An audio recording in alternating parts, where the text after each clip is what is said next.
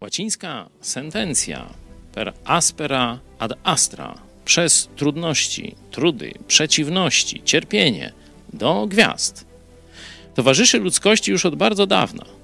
Nie tylko w Biblii widzimy tę prawdę, ale też i ludzie z doświadczeń swoich życiowych widzą tę prawidłowość, że żeby zrobić coś wielkiego w życiu, żeby dojść do czegoś wielkiego. No toż tam jest taka droga y, do PiSu się zapisać, no ale to mówimy o poważnych y, sprawach, tam się później kiedyś z nimi zajmie prokurator.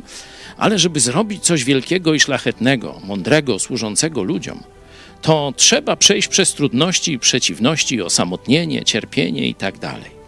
I ślad tego, przykład wspaniały, znajdujemy w Biblii w ósmym rozdziale dziejów apostolskich. Tam na kościół spadają straszne prześladowania.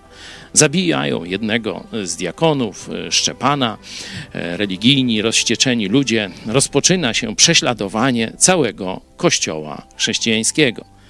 I czwarty werset. Wszakże ci, którzy się rozproszyli, szli z miejsca na miejsce i zwiastowali dobrą nowinę.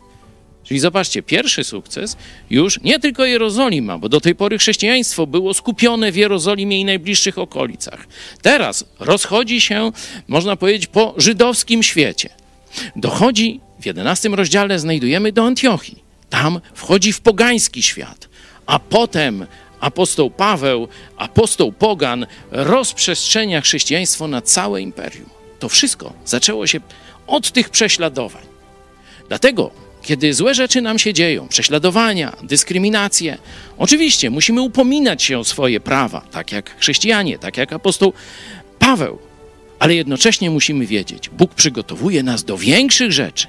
Liczymy też, że z tego procesu ta petycja, którą widzicie, jego dotyczy, że wyjdą wspaniałe owoce na Bożą chwałę.